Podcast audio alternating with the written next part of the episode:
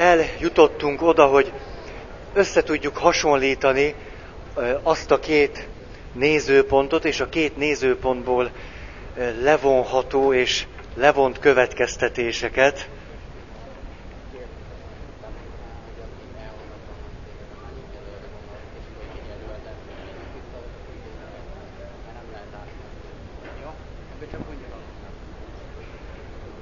Azt kérték tőlem, hogyha valaki a másik teremből hozott el székeket, azt kérik szépen, hogy vigyük vissza, mert hogy ott is előadás folyik.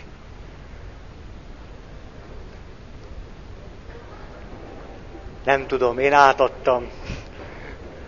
Szóval eljutottunk oda, hogy, hogy ezt a két nagy csoportot, a következtetéseinket egy picit elemezzük és értelmezzük, és ehhez a kettős nézőponthoz még ma reményem szerint hozzá tudunk tenni egy bizonyos szempontból harmadikat is, mégpedig, hogy nem az egyén szintjén hogyan működik mindez, és ehhez nagyon jól fogjuk tudni használni egy családterápiás eseménynek a leírását, hogy egy összetettebb rendszerben mindaz, amit eddig el tudtunk mondani elsősorban az egyén szintjén, az ugyan ezekkel a jellemzőkkel bír. És akkor ezt a hármat együtt látva kapunk egy sokkal gazdagabb képet. Néhány nappal ezelőtt nézegettem a tévét, épp hogy volt vagy tíz percem, és bekapcsoltam, és egy eszméletlen érdekes műsorra találtam. Sajnos nem tudtam végignézni, mert hittanórám kezdődött, így is elkéstem két percet. Lehet, hogy ti is láttátok, rögtön beugrott, hogy na, ezt egy picit szóba kell hozni itt köztetek. Azokról a japán katonákról készítették a filmet, akiknek az volt a meggyőződése, hogy a háború nem fejeződött be. Látom, van, aki, aki látta. Szinte ez az egyetlen meggyőződés, hogy a háború még tart. Az egész életüket totálisan befolyásolt, és mindenre kihatással volt. Föl mutatták azt szinte lépésről lépésre, egészen odáig tudtam én nézni, hogy a 70-es évek közepén a Fülöp-szigeteken bujkálnak japán katonák. E, az is megtörténik, és ez tökéletesen összecseng azzal, amiről beszéltünk, hogy a tapasztalást, a meggyőződés milyen hihetetlen módon befolyásolja, lopnak egy tranzisztoros rádiót.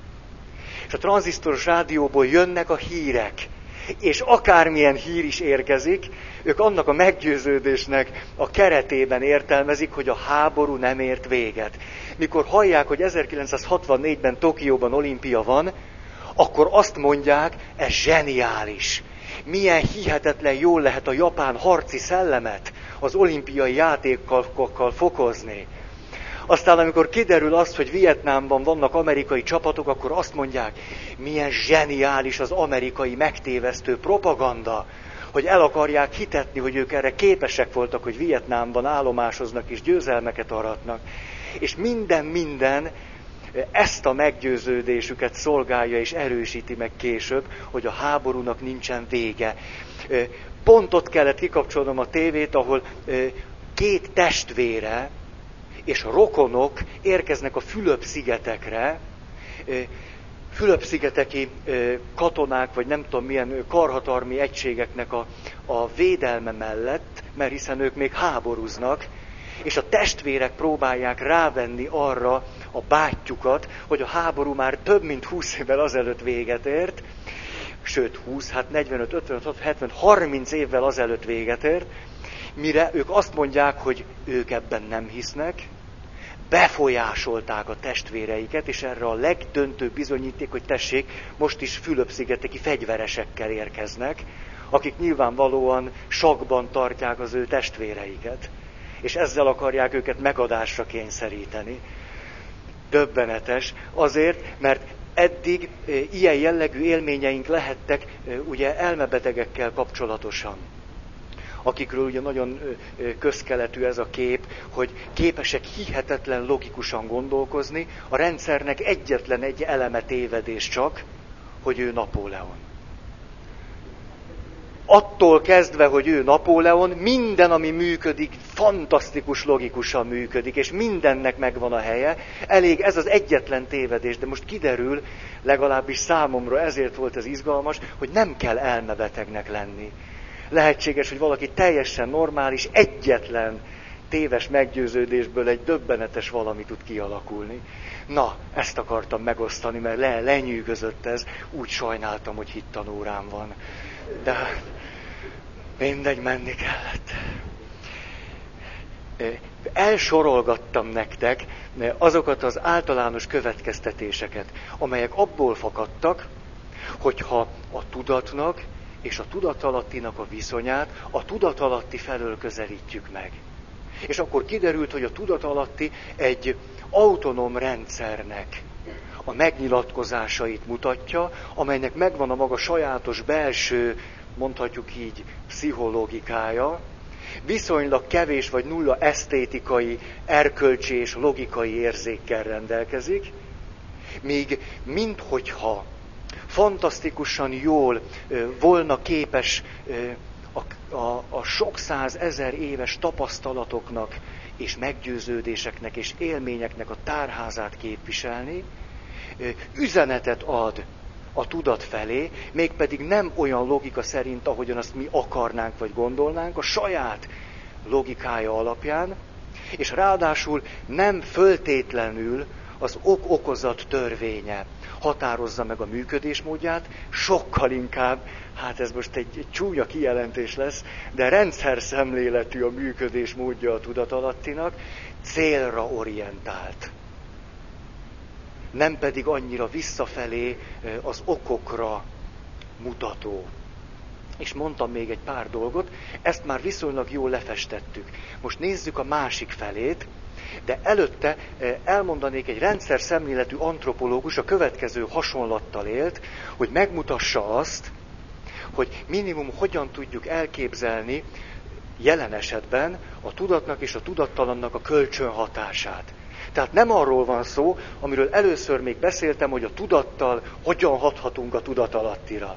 És nem is arról van szó, hogy a tudatalatti hogyan hat a tudatra, hanem arról, hogy ez egy árnyalt rendszer, amely kölcsönhatásokban működik, és nyilván sokkal több eleme van, csak kiragadtuk ezt a kettőt.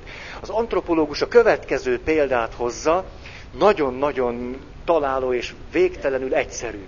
Azt mondja, hogy mi európai, vagy hát ebben a kultúrában fölnőtt emberek a fa és a favágó kölcsönhatását egyoldalúan a favágó szempontjából szoktuk értelmezni vagyis a tudat felől közelítünk a tudatalattihoz. És azt mondjuk, azt, hogy a favágó kezében a fejszével mit csinál a fával, ezt a viszonyt egyértelműen a favágó határozza meg a fejszéjével, és ebben a folyamatban végtelen végig az történik, amit a favágó akar. Tudatosan elhatároz. Az antropológus azt mondja, hogy ez egyáltalán nem így van, pusztán csak arról van szó, hogy ezt a helyzetet mi mindig a favágó felől szoktuk értelmezni, nézhetnénk a fa felől is. Vagyis nyugodtan beszélhetnénk arról, hogy a fa a maga természetével kihívást intéz a favágóhoz. Fölkinálja magát hasznosításra, és kiindulhatunk a fából. Maga a fa az, aki az első üzenetet adja a favágóhoz, aki ezt az üzenetet képes értelmezni, fölfogja, hogy mit üzen a fa, jön a fejszével, belevág a, a fejszével a fába, ráadásul nem ott vág bele, ahol ő akar, hanem ahol a fa azt megengedi neki ahol a fa szempontjából az logikus, hogy hol érdemes belévágni, majd minden egyes csapás újból és újból a fa felől üzen a favágónak, hogy hol érdemes tovább folytatni a csapkodást. Végtelen egyszerű kép, és legalább annyi létjogosultsága van, hogy a fa felől gondoljuk el ezt az egész dolgot, mint a favágó felől. Ugyanezt a modellt használhatjuk akkor, hogyha most beszélünk arról, hogy a tudatalatti a maga szabad működés módjával, hogyan hat a tudatunkra, azon keresztül az életünkre, és most egy picit menjünk vissza, és nézzük meg, hogy milyen általános következtetéseket vonhatunk le, hogy a tudatunkkal hogyan tudunk hatni a tudat alattinkra.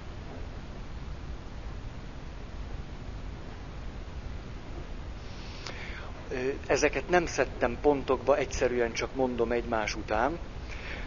A tudat alatti egyáltalán nem mérlegel. Abból a szempontból, hogyha én egy meggyőződéssel teli utasítást küldök felé, akkor ő azt nem fogja mérlegelni, hogy ez igaz vagy nem, hanem egyszerűen elfogadja tőlem. Valahogy olyan ez, mint hogy én vagyok a sofőr, vagy a vonatnak a vezetője, és ha én azt mondom, hogy gyorsítunk, akkor a tudatalatti már nem mérlegel, hogy ez most helyes vagy helytelen, jó vagy rossz, erkölcsös vagy erkölcstelen, szép vagy csúnya, logikus vagy illogikus, hanem megteszi nekünk. Mert azt mondja, a főnök már eldöntötte, hogy gyorsítani kell. Nekem az a dolgom, hogy az ő utasításainak megfelelően cselekedjek. Ez tehát a másik oldal, hogyha a tudatnak a, a szabadságából indulunk ki, és afelől azt nézzük, hogy hogyan reagál erre a tudat alatti. Aztán, na ide egy történet. Talán ti is ismertek olyan imádságokat, olyan történeteket, amelyben valaki a keresztény gondolkozásmódnak a hagyományából kiindulva tesz egy fölajánlást. Mikor valaki azt mondja, hogy odaadnám a fél kezemet is azért, hogy a kislányom meggyógyuljon. Talán hallottatok már ilyen imádságokról. Vagy ösztönösen, amikor fölkiált valaki egy nehéz helyzetben, hogy bárcsak inkább én lennék beteg, és nem a gyermekem vagy inkább én halljak meg előbb, és ne a férjem vagy a feleségem. Ezek mérhetetlen meggyőződéssel teli, érzelmileg átfűtött utasításokat jelenthetnek a tudatalatti számára, és az elvégzi a dolgát. Egy olyan esetet mondok el nektek, ahol, ahol nem ahol egy rendszerben működött ez, egy kislány nagyon súlyosan beteg volt. Nagyon súlyosan, életveszélyesen, és az apuka azt mondta, és ezért imádkozott, nagy meggyőződéssel, ténylegesen, hogy a kezemet odaadnám azért, hogy a kislányom meggyógyuljon. Ezt az imádságát nyíltan mondta, újból és újból elismételte, tehát bekerült a család rendszerbe. Vagyis mindenki kódolta az üzenetet. És az történt, hogy egy autóbalesetben az apuka ténylegesen elvesztette az egyik kezét, ami idáig a történetnek csak az egyik fele, még ilyesmiről sokat hallhattunk, hogy bekövetkezett valami ilyen, amit az imádságban kért valaki, de a következménye az már egészen izgalmas, ugyanis a kislány azonnal meggyógyult, amint meghallotta, hogy az apukája elvesztette a kezét. Itt tehát már egy rendszerben látjuk azt, hogy egy ilyen meggyőződés hat az apukára, a tudatalatti pedig, most óvatosan mondom ezt, a maga módján teljesíti. Csak hogy ez hat ebben a rendszerben a család másik tagjára is, mint hogy az álom hat. A nappali dolog hat akár a családban a másik emberre is, és kivált egy reakciót ami nyilván megint nem mehet végbe tudatosan, csak tudattalanul. Hiszen a kislány nem tudatosan és akaratlagosan gyógyul meg.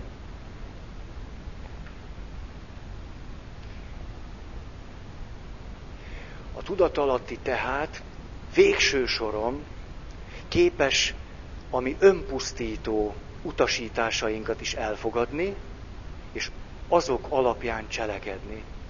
Minden további nélkül, amikor rákérdezünk arra, hogy egy-egy betegségnek mi a célja, akkor benne vagyunk a kellős közepében eh, annak a világnak, hogy a tudatalatti, akár a betegségünk és a halálunk árán is megvalósít olyan célokat, amelyeket mi akár tudatosan vagy tudattalanul kitűzünk elé.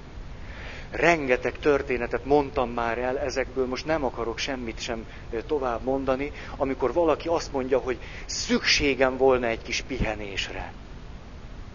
Ezt jó, mély meggyőződéssel mondja, de nem teremti meg magának az alkalmat, az időt, a lehetőséget a pihenésre. A tudatalatti pedig érzékeli, hogy nem történt az meg, amit tudatosan kértek tőle, ezért elintézi úgy, ahogy ő tudja. Vagyis megbetegszel. Fekszel az ágyikódban és pihenhetsz. Ezért állítom azt, hogy még a közlekedési balesetek is adott esetben tulajdonképpen pszichoszomatikus történések.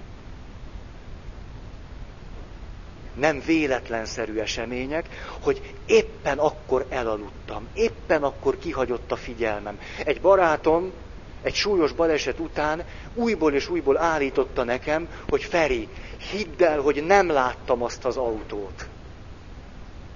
Nyilván volt már velünk ilyen, amikor nem találod a tolladat. És közben állandóan az van benned, hogy a fene egye, meg már megint nem találom, és akkor erről már egy csomót beszéltünk. És föltételezhetjük, hogy nem csak, hogy nem emlékszik erre, valóban igaza van, tényleg nem látta. Egyszerűen nem látta. Tehát a tudat alatti, hogyha ha nagyon ösztönözzük, hogy valamit megtegyen, a maga működés módja szerint utasításként fogadja el azt, amit mi kérünk tőle. Nem válogat az eszközökben, bár itt azért árnyaltan akarnék fogalmazni, azért megvan a maga belső logikája, hogy mit hogyan csinál.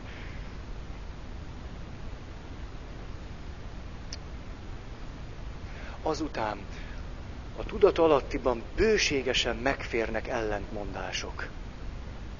Tehát működhetnek ö, olyan alrendszerek, amelyek egymással nincsenek kibékülve, mert logika nem köti a tudatalatti működés módját. Tehát lehetséges az, hogy valamiben bátor vagyok, valamiben pedig gyáva. Miközben a két dolog között mondjuk fajsúlyilag nincsen sok különbség. Csak az egyik dologban egy olyan alrendszer alakult ki, amiben tudok bátran viselkedni, a másikban valami miatt pedig nem. A tudat alatti ezt a kettőt nem hozza közös nevezőre. Nem mondja azt, hogy hát figyelj már, hát abban jól csinálod, ebben miért nem csinálod jól? Mert ez az én dolgom. Hogy én ezt fölismerjem. Az nem az ő dolga.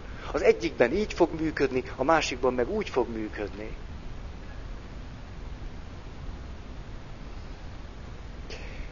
Ebből azt a következtetést vontam le, hogy úgy tűnik, hogy a paradoxon be van építve az emberi természetbe.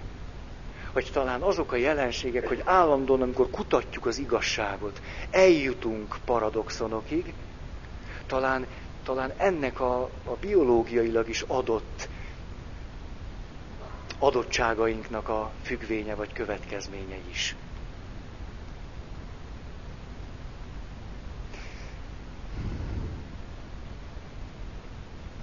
Még egy történet, amit más is hallott azok közül, akik, akik most itt ülnek.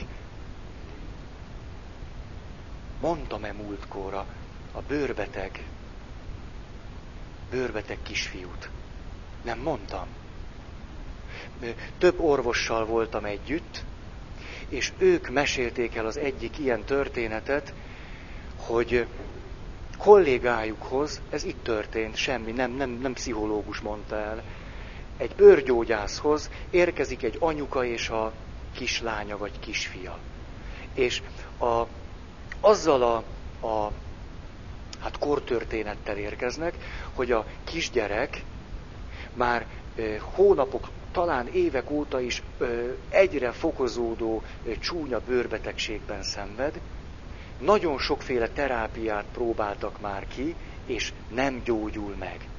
És a talán, igen, nem is évek, ilyen, ilyen egy év körül.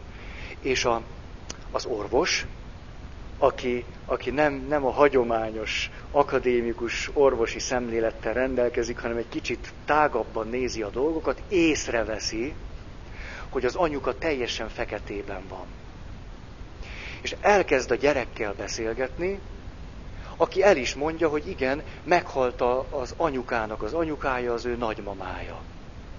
És elmondja azt is, miután összemelegednek ebben a beszélgetésben, az anyuka nincsen ott, hogy bizony ő neki hihetetlen nagy bűntudata van a nagymama halálát illetően. Önmagát okolja ezért. Mire az orvos nagyon érzékenyen, nem szakemberként, egyszerűen csak emberként föloldja a bűntudatát. És ezt mesélte el ez az orvos, hogy a bőrgyógyász szeme láttára gyógyult meg a bőrbetegségéből a gyerek. Ott a szeme láttára egy olyan betegségből, amiből semmiféle kúrával nem tudták őt kihozni. És ezt nem pszichológus érte el, egy egyszerű bőrgyógyász, aki rákérdezett a kisgyerekre, az egészre és a viszonyokra, és egy tágabb összefüggésben értelmezett egy betegséget. Erről majd lesz még szó.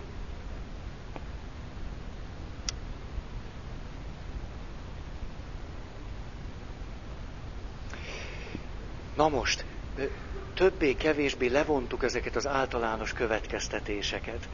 A lélektan mind a két irányból tud nekünk segíteni, ugyanúgy, mint a vallás is. A vallás is ebből a szempontból, hiszen most a természetes ész fényénél vizsgálódunk, egyrészt pszichoterápiás rendszernek fogható föl, ahogyan ezt Carl Gustav Jung mondta, és ebből az adódik, hogy akár merről nézzük, ezt a rendszert nagyon jól le tudjuk írni. Vagy a favágó felől, vagy a fa felől. De tulajdonképpen mind a két nézőpontunkra szükségünk van, sőt jobb esetben minél több nézőpontot veszünk, annál jobban látjuk a valóságot.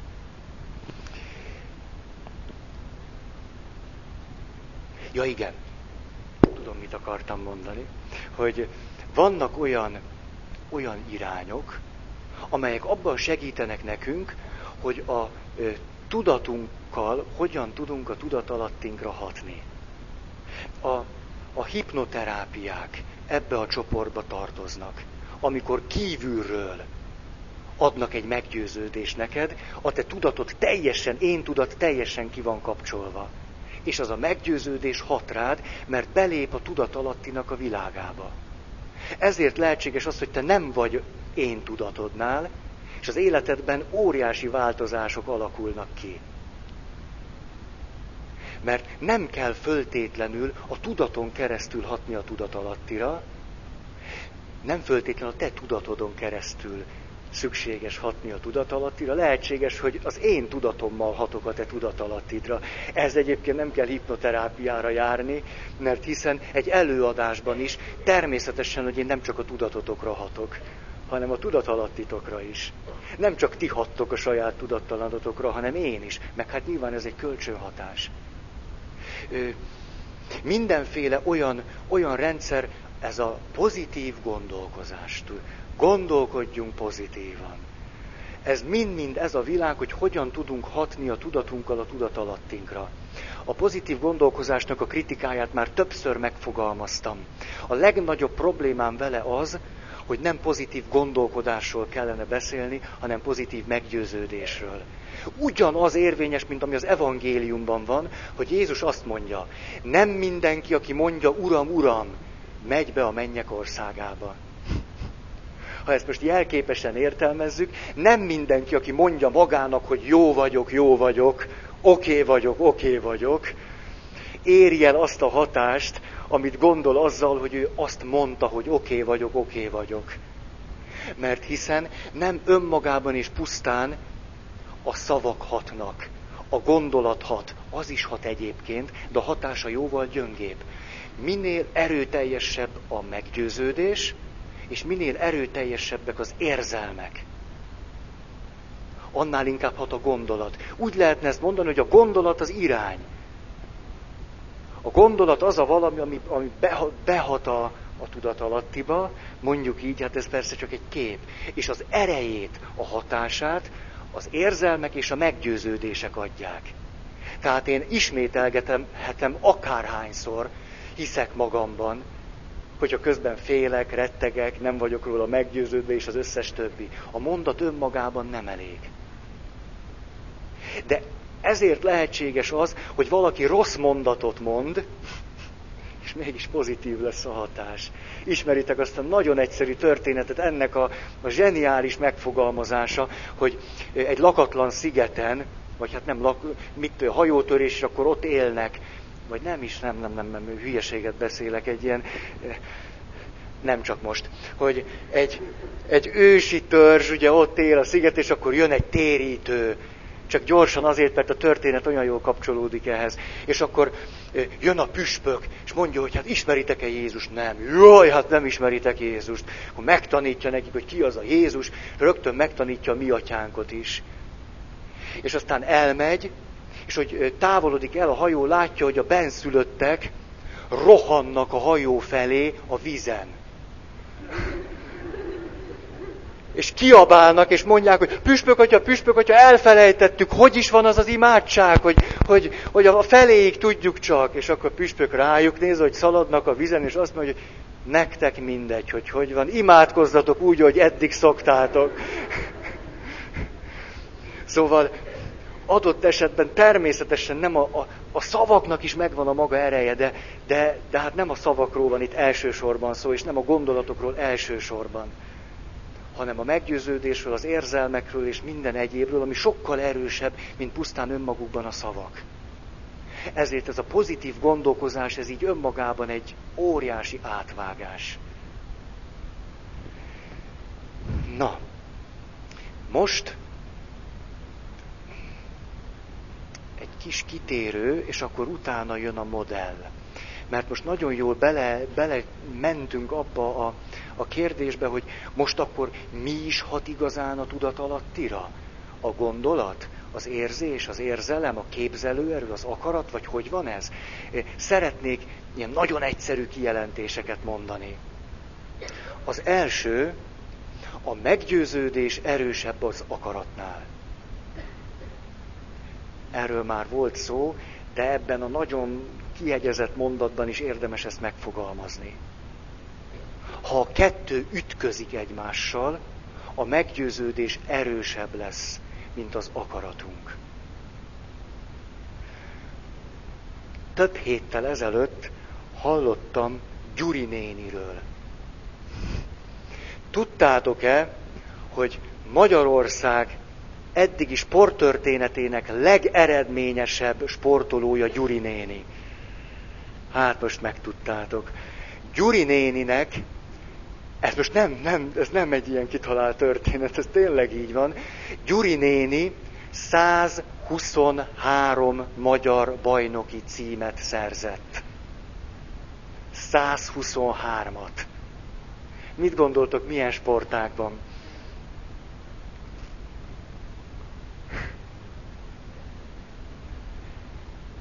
Igen, jó felé gondolkoztatok. Lövészet lövészetben, nyert mindenben, amiben csak lehetett.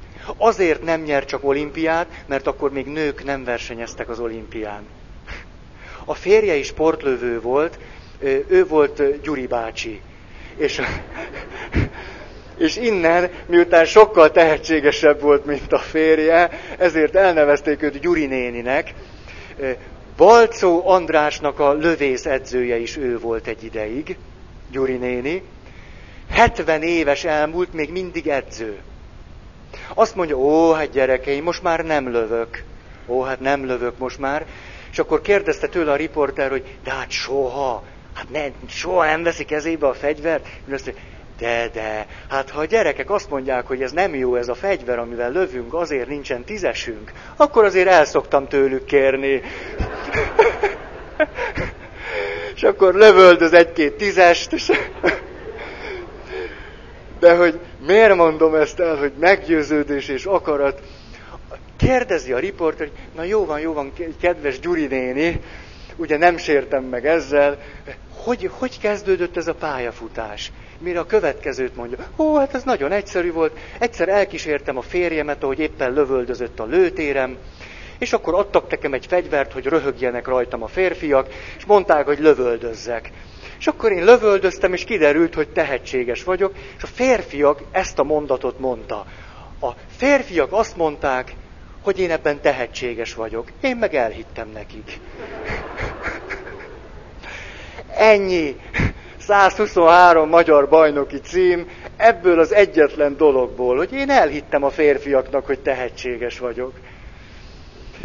Tehát, ha a meggyőződés és az akarat ütközik egymással, ú, de hiszket az orrom, akkor, akkor a meggyőződés győz. Takács Károlyról is beszélt Gyuri néni, aki az akaratnak a bajnoka volt de az akarata mögött egy döbbenetes meggyőződés és hit feszül. Tudjátok, ő volt az, akinek fölrobbant egy kézigránát a jobb kezében, amivel lőtt, és erre megtanult bal kézzel lőni, és a következő olimpiai bajnoki címét bal kézzel érte el. Agyrém. Agyrém. Ennyit a meggyőződés ereje, ez nem az akaratnak a diadala, a meggyőződésé. Ő csinálta azt, hogy ezt bizonyítsam nektek, számomra az egyik legjobb példa, hogy amikor az első olimpiai bajnoki címét szerezte, és jött a riporter, és kérdezte, hogy hát akkor talán nyilatkozna a címéről, akkor benyúlt a, a zsebébe, és elővette a győzelmi nyilatkozatot. Négy év múlva jött a riporter, és kérte, hogy nyilatkozzék a győzelméről, mire benyúlt a zsebébe, és elővette a győzelmi nyilatkozatot. Tehát ez nem az akarat diadala, de az akaratra szükség van, az nagyon fontos azokban a dolgokban, ahol azzal tudunk tovább lépni. Jó, hát erről egyébként már csomót beszéltem. A következő. A képzelő erő erősebb az akaratnál. A képzelő erő erősebb az akaratnál. A fantáziánk, a képeink sokkal erősebbek az akaratunknál. A következő hát gyakorlatot szokták eljátszatni azzal, aki, aki hát talán kételkedne ebben, én magam is kipróbáltam, meg még sokan, kezetekbe vesztek egy ingát. És se nem kell megijedni, tehát semmit, csak a lényeg, hogy mozogjon. És a, nincs mögötte filozófia.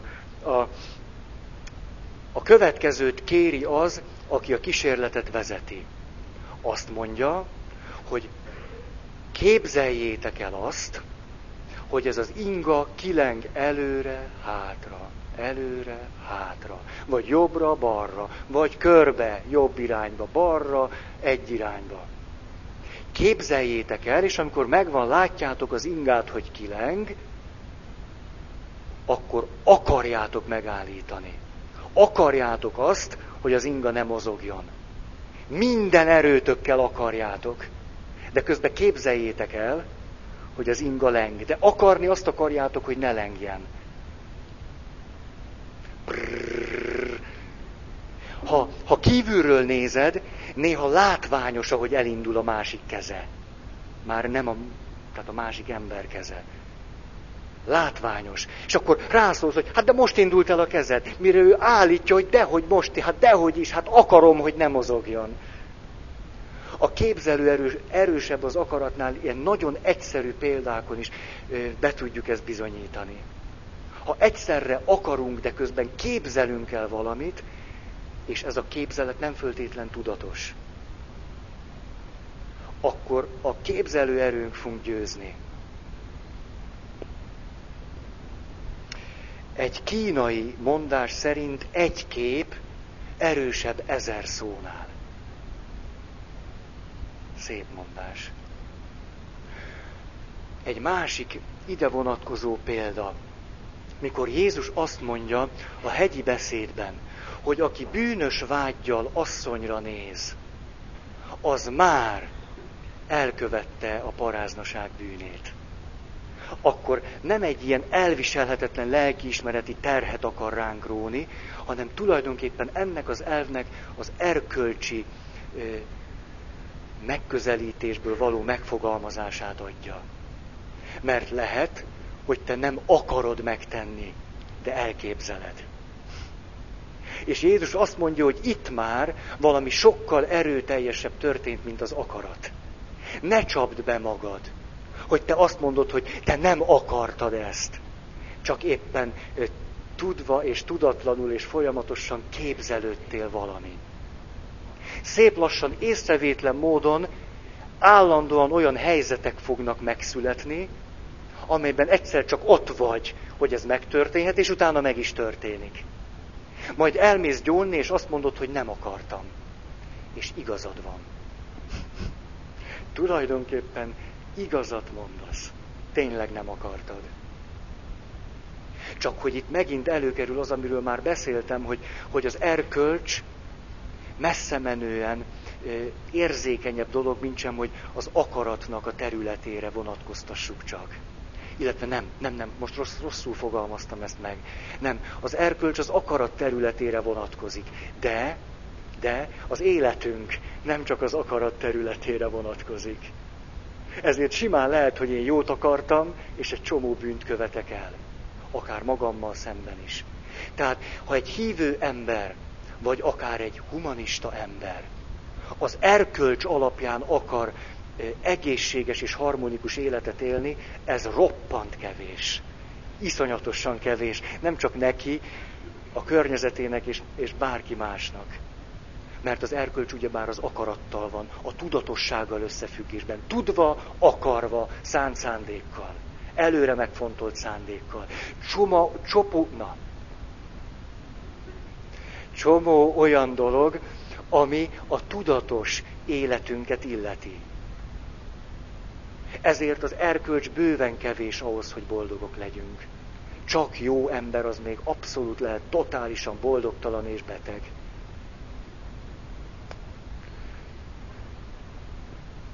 A, a másik, ami szinte hihetetlen, de megint csak ténykérdés, hogy a zen művészetekben van az íjászat. És tudjuk azt, hogy a legkomolyabb zenmesterek, azok csak a tanulási folyamat elején lőnek úgy, hogy nézik a célt.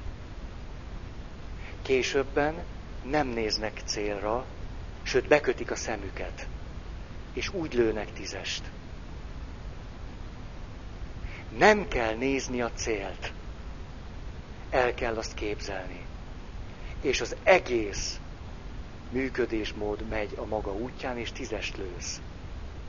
Ami a legizgalmasabb, hogy megjelent annak a magyar íjász, lovas íjásznak a, a, hát egy picit ilyen önéletrajzi dolga, biztos ismeritek, aki rekonstruálta e, magyar őseinknek az íját. És ő maga is erről beszél, hogy a kezdetek kezdetén van csak arról szó, hogy lovagolok, és látom, és amit látok, oda lövök. Azt mondja egy idő után, ez egyszerűen nem így működik.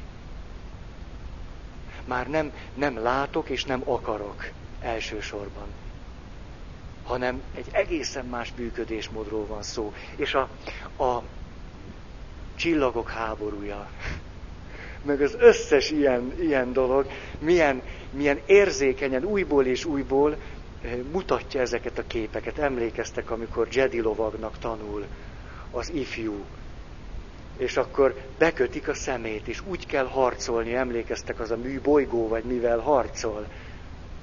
És erre azt mondjuk, hogy hát ez micsoda hülyeség. Miközben tudjuk, hogy a forgatókönyvíró éveken keresztül semmi más nem csinált, csak mitológiákat olvasott. És ment vissza ezekbe a hagyományokba. Én most nem, hát persze tarthatjátok ezt akárminek. Pedig nagyon sok felől, ha ezt nézzük, akkor ugyanoda jutunk el. Egy idő után már nem kell látni. Megy a csukott szemmel is. Ha, ha sportoltunk, sportoltatok, vagy táncoltok, vagy ezt is hoztam már többször. Nekem az olyan élmény, egy, amikor egy, egy jó dobás, hát nem is kell oda nézni, szinte. Nincs annyi idő, hogy nincs, vezeted a, jó, hát vagy nem tudom, szóval egy csomószor van, hogy, hogy már elengeded a labdát, és akkor látod a gyűrűt, amikor már elengedted a lasztit. Vagy focizol.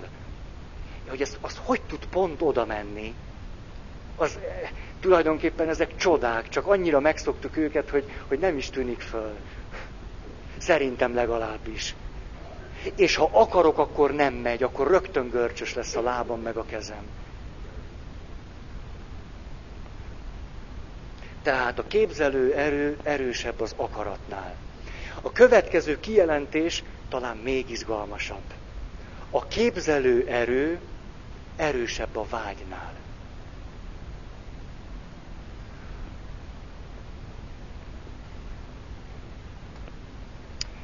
Következő nagyon egyszerű kísérlet. Valakit megkérünk, menjen át egy pallón. Az illető simán átmegy rajta. Még akkor is, hogyha nem tudom én, csak olyan széles, mint a cipője. Ha azonban azt kérjük meg tőle, hogy menjen át ugyanezen a pallón, csak alatta van mondjuk száz méter. A palló ugyanaz, de amit ő hozzá képzel, az egészen más. A, a filmekben annyira zseniális ez, ahogy hát hány ilyen jelenetet láttunk már ugye egy kép kívülről, hogy tudjuk, hogy, hogy az illető elindul, és utána rögtön egy olyan képet látunk, mintha az illető lefelé nézne. És akkor elkezdjük érzékelni azt, hogy ő vajon mit láthat. Hiába vágyakozik valaki valamire, ha a képzelete más diktál neki. A képzelőerő erősebb lesz még a vágynál is.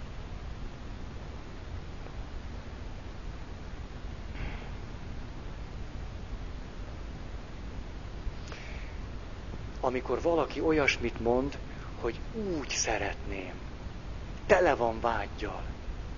De a fejében és a szívében és a gyomrában más képek vannak. Mondjuk a sikertelenségnek a képei. Akkor a vágya gyöngébb lesz, mint ezek a képek. És az utolsó, hogy a meggyőződés nem elsősorban a szavakhoz, a gondolatokhoz, hanem sokkal inkább az érzelmekhez kapcsolódik. Ez majd egy újabb nagy kör lesz, az érzelmekről majd fogok sokat beszélni. Oké, okay, ezért egyszerűen ezt csak meg akartam említeni. Megint a pozitív gondolkozásnak a, a gyöngéi. Sokkal nagyobb szükségünk van pozitív érzelmekre, pozitív élményekre. hú, mondtam ezt, az agykutató, legfiatalabb tagja a Magyar Tudományos Akadémiának. Mondtam? Nem. Arról beszélt, hogy éppen rosszul csináljuk a serdülőkorú gyerekekkel azt, amit teszünk velük, azt gondolván, hogy akkor képezzük őket ki a legjobban. Mert hiszen az oktatás rendszerünk még mindig végtelenül egyoldalú, töltsérnek a képe. Ugye a leg, megint egy képet mondok, a, a, a hagyományos poroszos oktatási metódus az az, hogy te egy ilyen tehetetlen figura vagy, a fejedbe egy töltsért verek, és ráveszlek téged akármilyen módszerrel, hogy a fenekeden maradj, és én minél többet tudjak beletölteni. Ez a kép totálisan meghatározta még ma is meghatározza sokaknak a pedagógiai magatartását.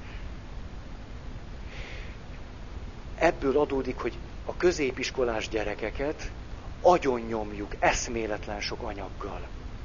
Már az én koromban is arról beszéltek, hogy egy középiskolás meg akarna tanulni mindent, amit föladnak neki, akkor nem tudom, hány órát kéne tanulnia.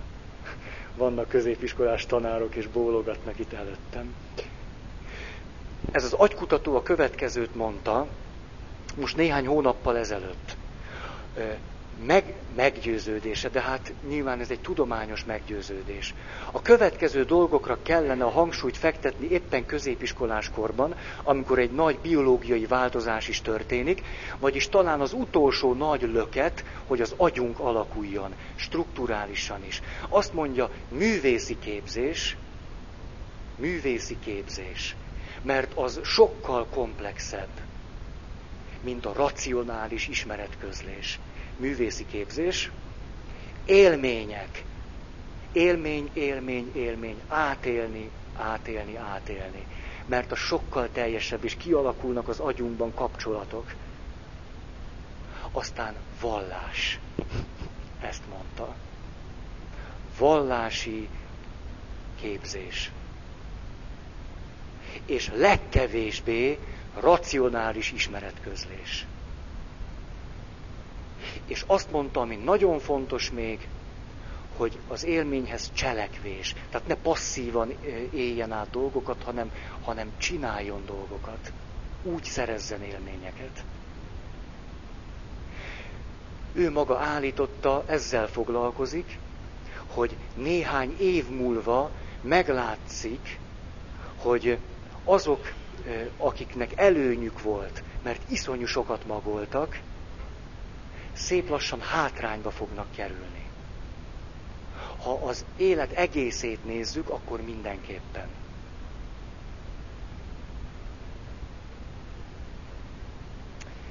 Na. És most jöjjön az a, az a, az a család történet, ahol egy meggyőződésből fogok kiindulni, és megnézzük, hogy egy, egy rendszerben ez a meggyőződés hogyan hat ki mindenre, és a családnak a közös hite vagy meggyőződése hogyan vezet egy gyereknek a pszichoszomatikus megbetegedéséhez. Aztán, hogy hogyan áll fönn ez a rendszer, és utána ebből le tudunk vonni majd megint nagyon fontos következtetéseket. Egy négy tagú családról van szó, és le is rajzolom nektek, hogy az első családterápiás üléseken hogyan ülnek. Ez nagyon fontos, mert roppant jól közöl valamit, amit szavakban nem föltétlen fejeznek ki. Középen ül a beteg gyerek. Kislány. Copf.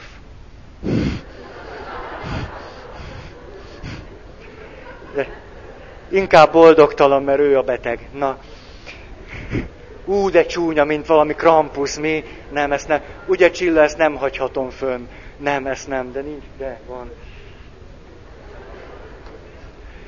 Van valaki, aki egy szép kislányt ide tud rajzolni? Nagyon szívesen átadom ezt, mert jó az. Hát nem tudom. Mindegy, kislány.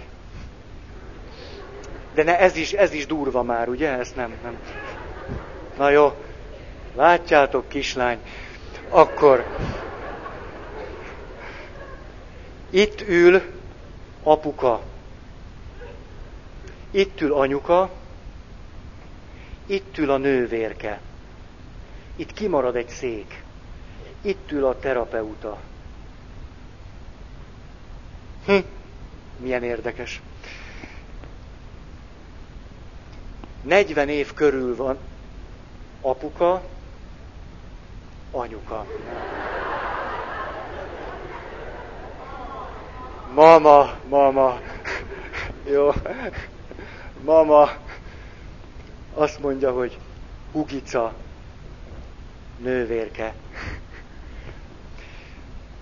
40 év körül vannak a szülők, apuka hivatalnok, a mama háztartásbeli, 11 éves, nővér 14 éves.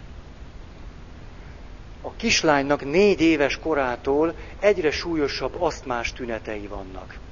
Az asztma egy tipikus olyan betegség, amely lehet egyértelműen pszichoszomatikus, illetve mondjuk így, hogy elsődlegesen pszichoszomatikus.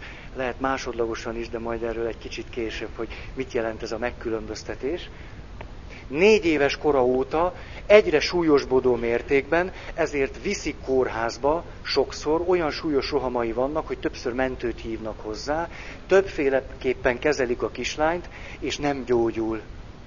Gyakorlatilag komoly változás, semmiféle kezeléssel nem történik, enyhe változás történik csak. Az orvosok abba a kategóriába sorolják, nem pszichoszomatikus orvosok, egyáltalán csak az orvosok, hogy kezelhetetlen. Vagyis nem reagál a terápiára. Négy éves kora óta van ez, most 11 éves. A nővér 14 amikor már szinte tarthatatlan a helyzet, és újabb orvos, és újabb, és semmi, semmi, semmi javulás, akkor az egyik orvos eh, pszichológust ajánl a családnak, a család tiltakozik ez ellen, azt mondják, hogy semmi szükségük pszichológusra, de mégiscsak elmennek valakihez, aki azt mondja, hogy családterápiára volna szükség, és az egész családdal akar találkozni az első találkozás alkalmával, bár együttműködnek a segítővel, de tulajdonképpen azt a meggyőződésüket fejezik ki, hogy abban bíznak, hogy nem sokára fog jönni egy új és hatékony gyógyszer, ami majd meggyógyítja a fiatalabbik kislányt. Nem ez a meggyőződés, amit fel akarok írni, ez inkább az a nagyon egyszerű gondolkozásmód, amiről beszéltünk, ez a probléma központú gondolkozásmód. Egyetlen problémánk van, a kislány, és tulajdonképpen nem is a kislány, a kislány betegsége, és ennek a problémának a megoldását egy külső valamitől várjuk, csodagyógyszer, teljesen mindegy, és ameddig ezt nem kapjuk meg, addig mi tehetetlenek vagyunk. Ugye erről beszéltünk a, a probléma központú rendszernél. Nagyon udvarjasak, és a, a meggyőződés, amit közvetítenek egymás felé is, és a terapeuta felé is, hogy egységes, konfliktusok nélküli jó család vagyunk. Ez a meggyőződésük. Egységes, rendes, konfliktusok nélküli jó család vagyunk. Amikor valami nézeteltérés merül föl, ahogy kérdezi őket a terapeuta, rögtön visszakoznak. És rögtön megpróbálnak békét találni egymással. Egy valaki van, aki a leginkább meri megfogalmazni adott esetben az ellenérzését vagy ellenvéleményét, a nővérke. Nem is ül benn annyira szorosan ebben a rendszerben. Ám akkor, amikor a helyzet kezd egy, egy picit-picit ütközős lenni, akkor a nővérke is arról beszél, hogy de hát igen, tulajdonképpen mindennek az oka a hugicának a betegsége. Ok, okozat és egyetlen bűnbak van. Fölolvasok egy rövid, nagyon jellemző beszélgetést eh, ebből a találkozásból.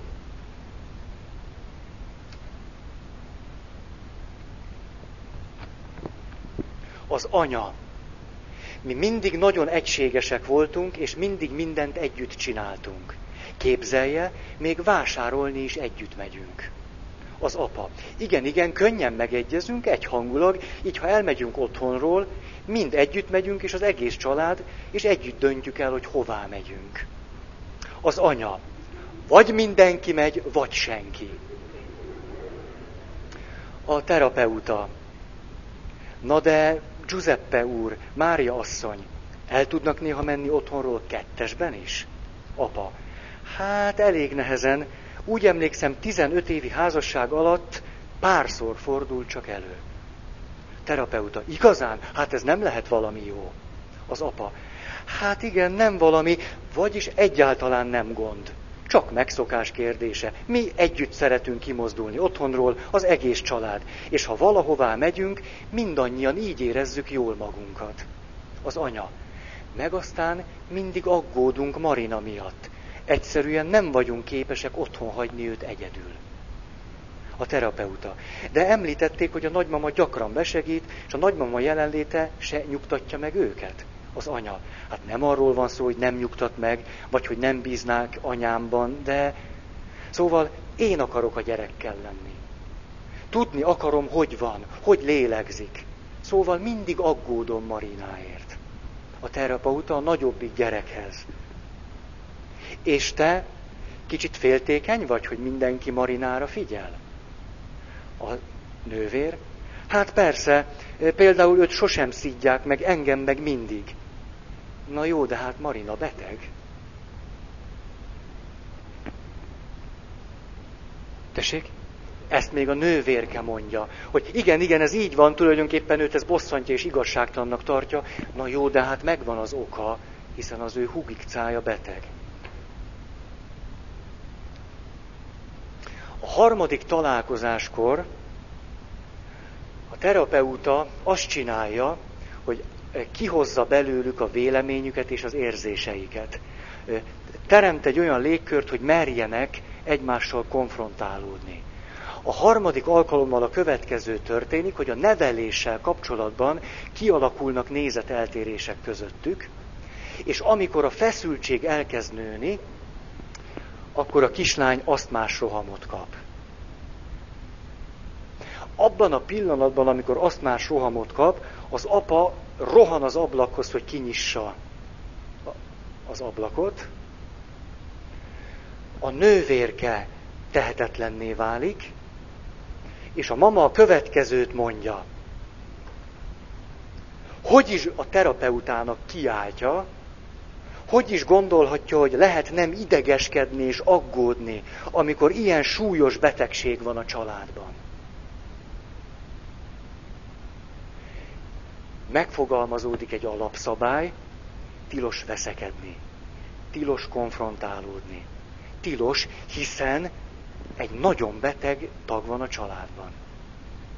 Nem szabad, hát most is kiderült, csak egy kicsit konfrontálódtunk egymással, és már is milyen beteg lett a kis Marina.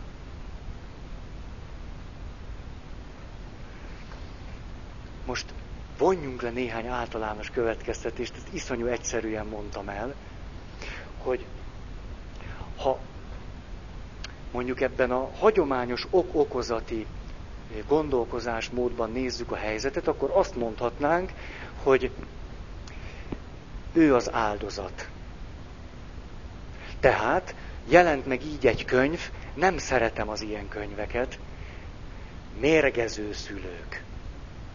Ezen már régen túl vagyunk. Régen. Hogy, hogy arról beszéljünk, hogy a gyerek egy ártatlan áldozat, és a szülők mérgezik őt meg.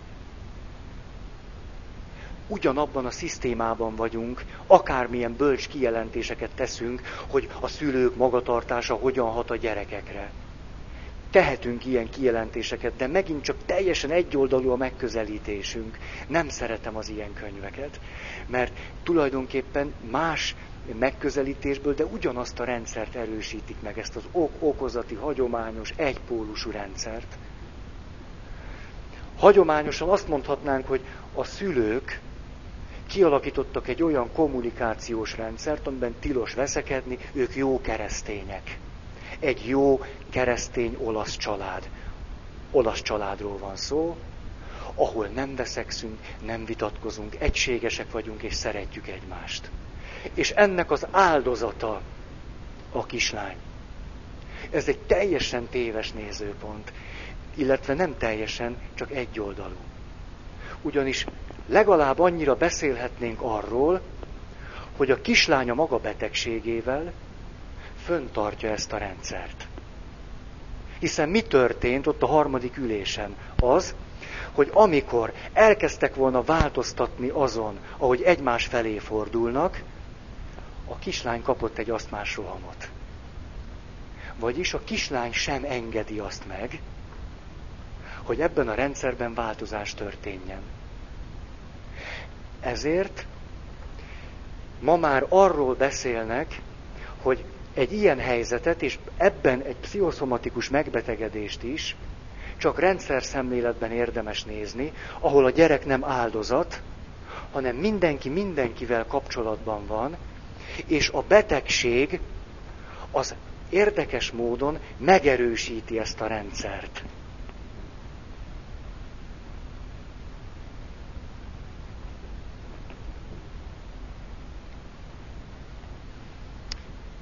Húha. A, mert mi történik az, hogy békének kell lennie. Egy vaskos meggyőződés, tilos veszekedni, békének kell lennie, akkor vagyunk jók. Ezért a kislánynak a betegsége újból és újból megerősíti ezt a rendszert, hogy legyen béke, hiszen leállítja a konfrontációkat. Más oldalról pedig a kislány éppen azért betegszik meg, azért nem kap levegőt, mert ebben a családban nem lehet veszekedni. Nem lehet kimutatni, kimondani és semmit sem abból, ami a belső feszültségből, ellentétből és mindenből fakad. Tehát egyfelől a család megbetegíti a gyereket, másfelől azonban ez a favágó és a fa, és a fa és a favágó, másfelől azonban a kislánya betegségével nem engedi a rendszert megváltozni. És továbbra is föntartja azt, hogy ne is lehessen konfrontálódni egymással. És megy egy kölcsönhatás. Ide-oda, ide-oda. A terapeuta következőt csinálta, azt mondta, hogy a hagyományos nézőpontban a családnak mi a problémája? Az, hogy van egy asztmás beteg. A család problémája az asztmás beteg, akit meg kell gyógyítani. Lehetőleg egy új és hatékony gyógyszerrel. És akkor ő ezt átfogalmazta, és azt mondta, a család beteg, mert van benne egy kislány, aki nem kap benne levegőt.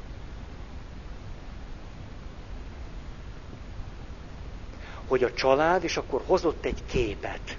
És azt mondta, Nézzék, ez a család úgy működik, mint egy üvegbúra. Itt egy, van egy üvegbúra, ami összetartja a családtagokat. Megteremti az egységet, tilos belőle kiszállni, veszekedni, hangoskodni, hiszen egy végtelenül vékony üvegbúra alatt vagyunk. A legkisebb szó is fölerősödik, és rezonál, és iszonyú, ord, iszonyú ordítássá válik.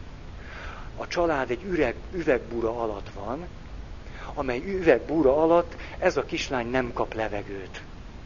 Akkor fog meggyógyulni az egész család, ha fölemelik ezt az üvegbúrát. Ez egy nagyon fontos dolog, egy, egy ilyen terápiás alapvető stratégia, hogy átfogalmazom azt a helyzetet, amiben vannak a családtagok. És egy ilyen kép, ez nagyon izgalmas, egy kép. Mert ez a kép sokkal erősebben fog hatni a családtagokra, mint ha őket meggyőznénk, mint ha megindokolnánk, logikusan levezetnénk, mondanánk nekik, hogy akarjanak meggyógyulni és megváltozni. Kell nekik adni egy képet. Belekezdek még valamibe, hogy egy kísérletben ilyen és egy csomó, csomó, csomó családterápiás élmény kapcsán meg tudták fogalmazni azokat az alapvető jegyeket a rendszert illetően és a kommunikációt illetően, ami pszichoszomatikus megbetegedéseket nagy mértékben elősegít és akkor itt állok meg. Megkülönböztetnek, persze ezek nagyon hát primitív megkülönböztetések, de jó használhatók. Olyan pszichoszomatikus megbetegedéseket, amelyek kifejezetten lelki eredetűek. Tehát például mondjuk a kisfiú ágyba pisil. Nyolc éves korában. Ennek semmi szervi oka nincs. Ez egy tipikus pszichoszomatikus megbetegedés. Az asztmáknak nagy része ilyen anorexiának körei. És lehetne hozni egy csomót. És vannak olyan pszichoszomatikus megbetegedések, amelyeknek megvan a biológiai alapja természetesen, de egy olyan környezet, amelyet nagyon jól le lehet írni, fölerősítheti ezeket a már meglévő biológiai adottságokat. Ilyenkor adott esetben van gyógyulás, néha meg nincs. Egy ö, ö, olasz családterapeuta végzett egy sok éves kísérletet, a következők voltak benne. 11 olyan család, ahol anorexiás gyerek volt, 9 olyan család, ahol cukorbeteg gyerek volt, és 10 olyan család, ahol asztmás gyerek volt. Sok éven keresztül foglalkozott ezekkel a családokkal, és utána sikerült megfogalmaznia azokat az általános ismérveket, amelyek az ilyen családra, mint rendszerre érvényesek voltak. Most ezt az egészet azért tartottam nagyon fontosnak elmondani, és majd a következtetésekből ez még inkább előjön, hogy amit eddig mondtunk az egyén szintjén, a meggyőződésről, hogy az hogyan hat tudattalanul. Most láttuk azt, hogy egy, egy emberek közötti rendszerben ugyanúgy milyen hihetetlen árnyalt kölcsönhatása van annak, hogy léteznek családi meggyőződések, amit mondtam nektek úgy neveznek, hogy családi mitológiák. Családi mítoszok alakulnak ki, és a mítoszokban hiszünk. Itt a családi mitológiának a fő elve, hogy mi egy jó és egységes és harmonikus és nem veszekedő család vagyunk.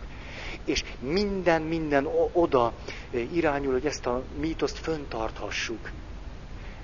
Belül is, egymás között is, és kívül is. A terapeuta felé is, vagy a világ felé.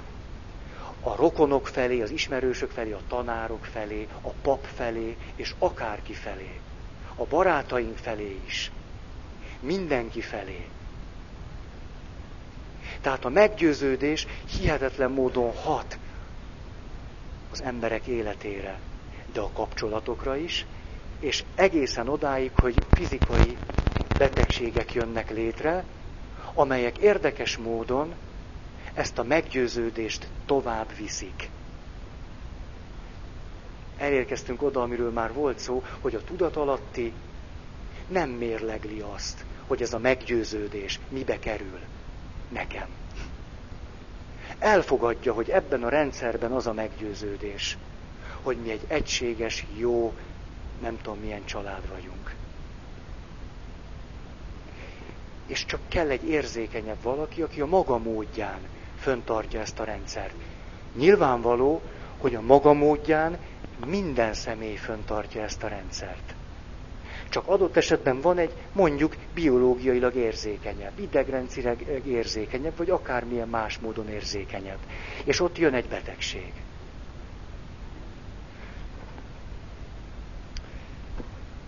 Na pont, pont el, el, el, elmondtam az időt annyira, hogy, hogy nem kezdek el ebbe a, ebbe a négy pontba hogy, hogy mi jellemzi az ilyen rendszer.